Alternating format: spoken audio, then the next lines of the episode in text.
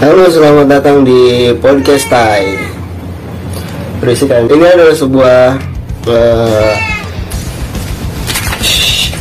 di dalam podcast ini tentunya saya akan memberikan kalian inspirasi, informasi, aktualisasi, pokoknya semuanya ada di sini. Untuk edisi pertama, di sini ada pria yang dibayar 17,4 miliar cuma buat pura-pura meninggal.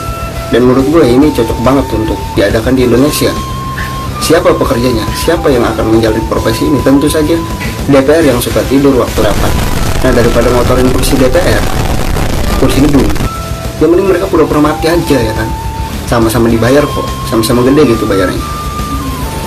Ngapain gitu mereka duduk di kursi? Menghidupkan kembali keadilan yang udah meninggal? Gak bisa, yang mending pura-pura meninggal. Udah itu aja, edisi pertama.